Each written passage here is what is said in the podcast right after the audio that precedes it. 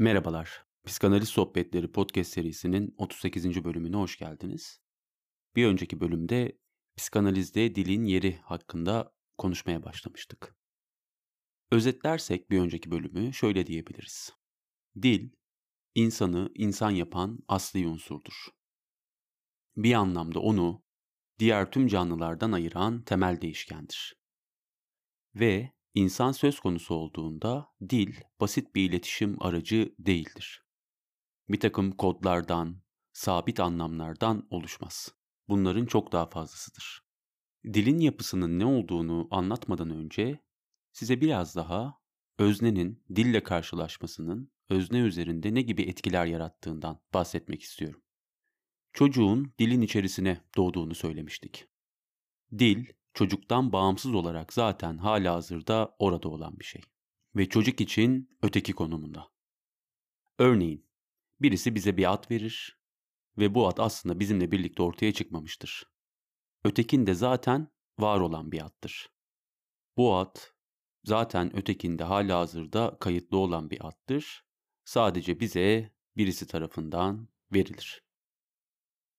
Bir bebek yaşayan bir varlık olarak dünyaya gelir ve bir takım ihtiyaçlara sahiptir. Ve bu ihtiyaçları tek başına yerine getirmesi mümkün değildir. Bu yüzden bebek bir hoşnutsuzluk deneyimlediğinde ağlar. Bakım veren tarafından ki bu kişi çoğu zaman annedir, bu ağlamalar yorumlanır. Annenin bebeğin ağlaması hakkındaki yorumlarının bebek üzerinde birçok etkisi vardır.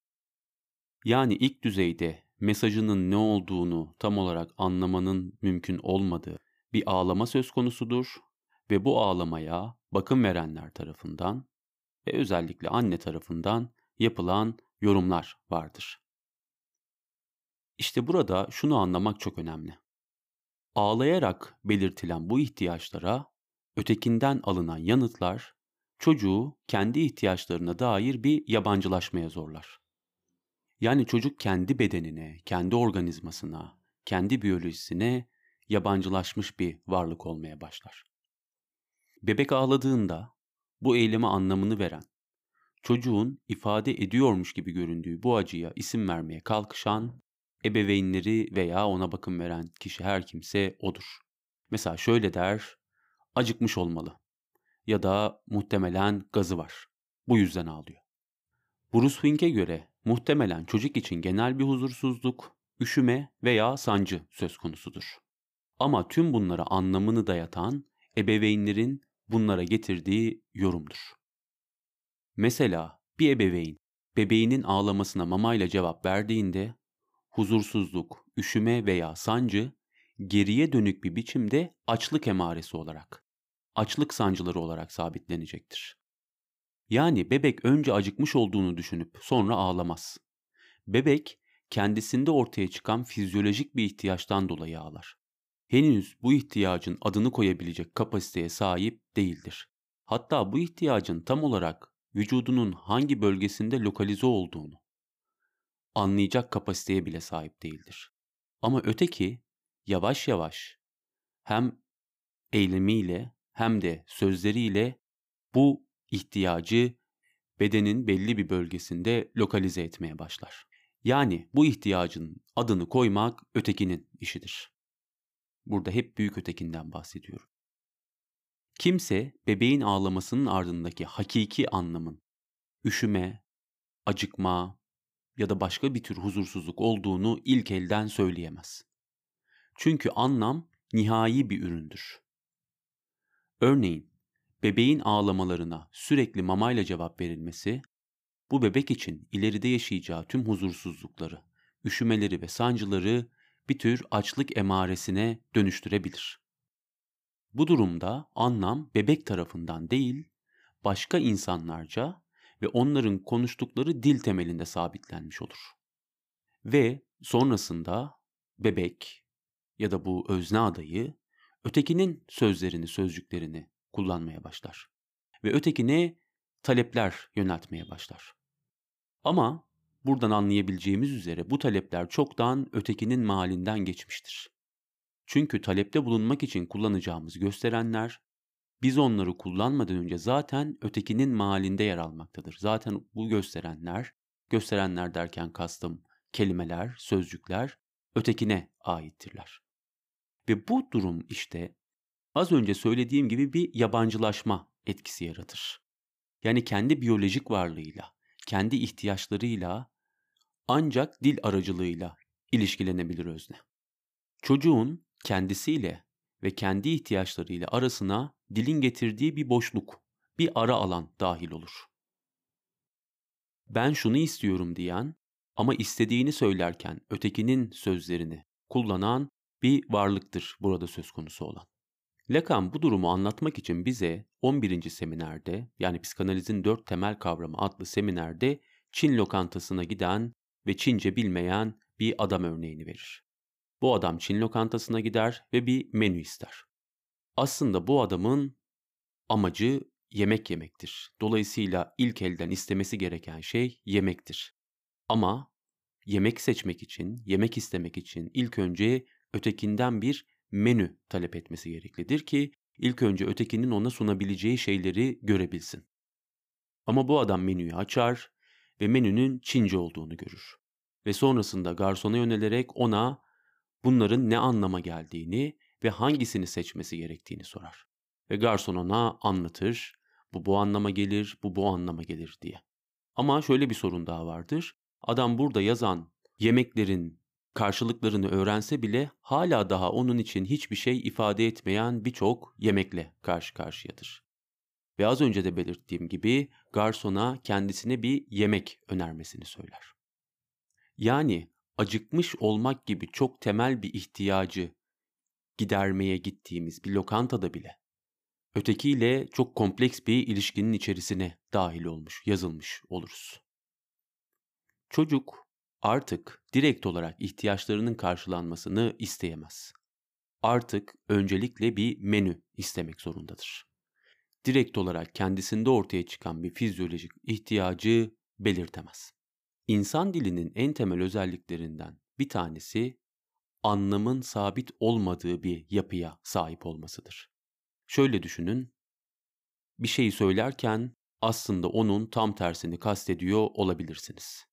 Ya da bir şeyi söylerken karşınızdaki kişinin sizin bunun tam tersini kastedeceğinizi düşündüğünü düşünüp tam olarak söylediğiniz şeyi kastediyor olabilirsiniz. Çok katmanlılık söz konusudur. Ya da diğer bir örnek, bir kişinin beni neden seviyorsun sorusuna yanıt vermeye çalıştığınızı düşünün. Sayfalarca yanıt verebilirsiniz, günlerce konuşabilirsiniz ama muhtemelen verdiğiniz hiçbir yanıt bu karşınızdaki kişiyi tatmin etmeyecektir. Çünkü siz ne derseniz deyin, bir şeyler hep karşıdaki öznede eksik kalacaktır. İşte bu anlamın sabit olmaması. Bir söz konuştuğunuzda farklı farklı anlamlara gelebilecek bir kapasite taşıyor olması bu sözün öznelliği mümkün kılan şeydir Lacan'a göre. Çünkü diğer türlü olsaydı hepimiz belirlenmiş bir tür makine olurduk.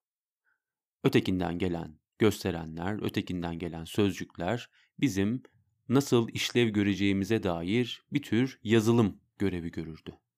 Ama böyle olmuyor. Aynı ailede doğmuş, aynı zamanda doğmuş. Tek yumurta ikizlerinde bile çok farklı bir takım yönelimler, çok farklı öznellikler görmek mümkün.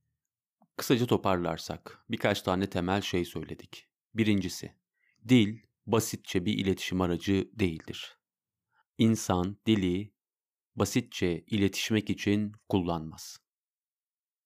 Daha ziyade dil, özne doğmadan önce hala hazırda oradadır ve Lacan'ın ifadesiyle öznenin bedeniyle dilin karşılaşması öznenin hayatındaki bir şeylere şekil verir. Bu konuda çok güzel bir kitap var. Belki bu podcast bağlamında önceden de önermişimdir. Alenka Jupancic'in Neden Psikanaliz adlı metni. Alenka Jupancic burada psikanalizin tam olarak neyle ilgilendiğini bize anlatmaya çalışıyor. Aslında en temelde psikanaliz biyolojik olan tarafımızla, yaşayan varlık, canlı olan tarafımızla kültürün, dilin, toplumun, yasanın karşılaştığı noktada ortaya çıkan açmazları ele almaya çalışıyor. Bu Freud'dan beri gelen bir düşünce ve Lacan'da da doruğuna ulaşıyor. Ve bu podcast bağlamında tekrar değineceğim bir konuyu yeri gelmişken şimdi söyleyeyim.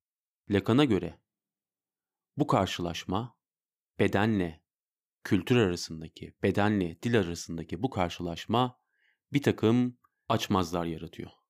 Ve bu açmazların kendisi bizatihi cinsellikle ilgili. Ve dil bedenle ilgili olan, organizmayla ilgili olan, ihtiyaçlarla ilgili olan her şeyi dile getirmeye, ele almaya muktedir değil. Aslında size edebiyatın ve daha genel anlamıyla sanatın nasıl da bu dilin eksik kaldığı noktada devreye girdiğini ve dile dökülmesi çok zor olan, dile dökülmesi imkansız olan bir takım deneyimlerin ele alınması için nasıl kullanışlı araçlar sağladığını göstermeye çalışacağım. Çünkü Freud şöyle demişti, benim keşfettiğim her şeyi benden önce edebiyatçılar hali hazırda keşfetmişti. Bu hiç de öylesine söylenmiş bir söz değil. Edebiyat ve daha genel anlamıyla sanat tabii ki de dilin yetersiz kaldığı noktada devreye giriyor. Dilin diğer temel özelliklerinden bir tanesi ise sınır getiren bir oluşum olması. Bir bebeğe söylenen sözleri düşünün.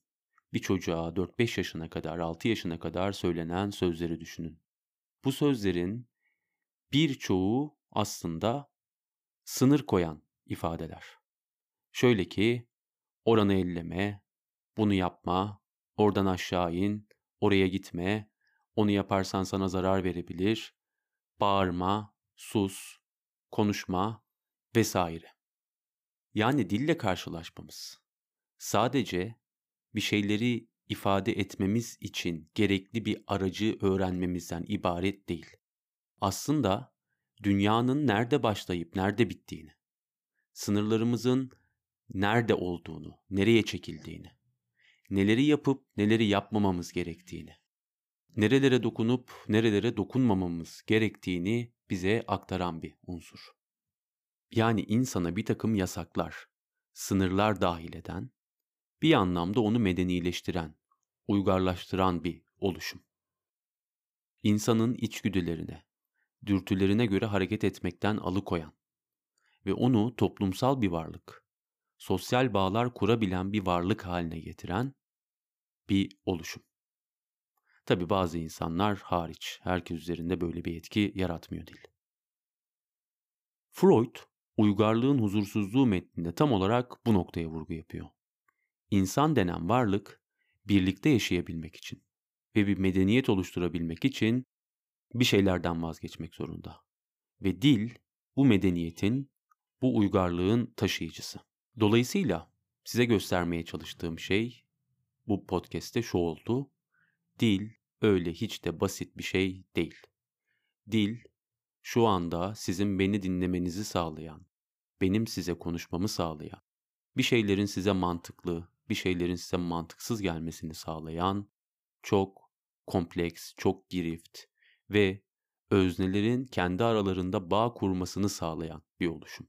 Lacan, öznenin dilin bir etkisi olduğunu söylerken, dilin bu kompleks yapısına, bilinç dışının bir dil gibi yapılandığını söylerken, dilin bu kompleks yapısına atıfta bulunuyordu.